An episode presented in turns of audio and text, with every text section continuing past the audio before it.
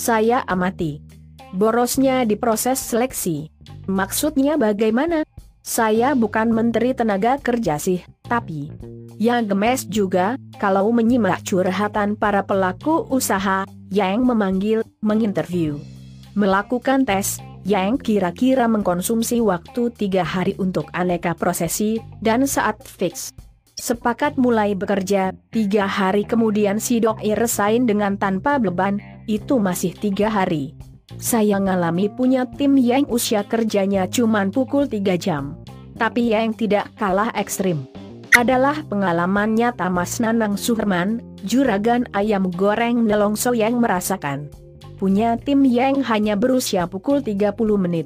Itu tim atau durasi main futsal satu babak?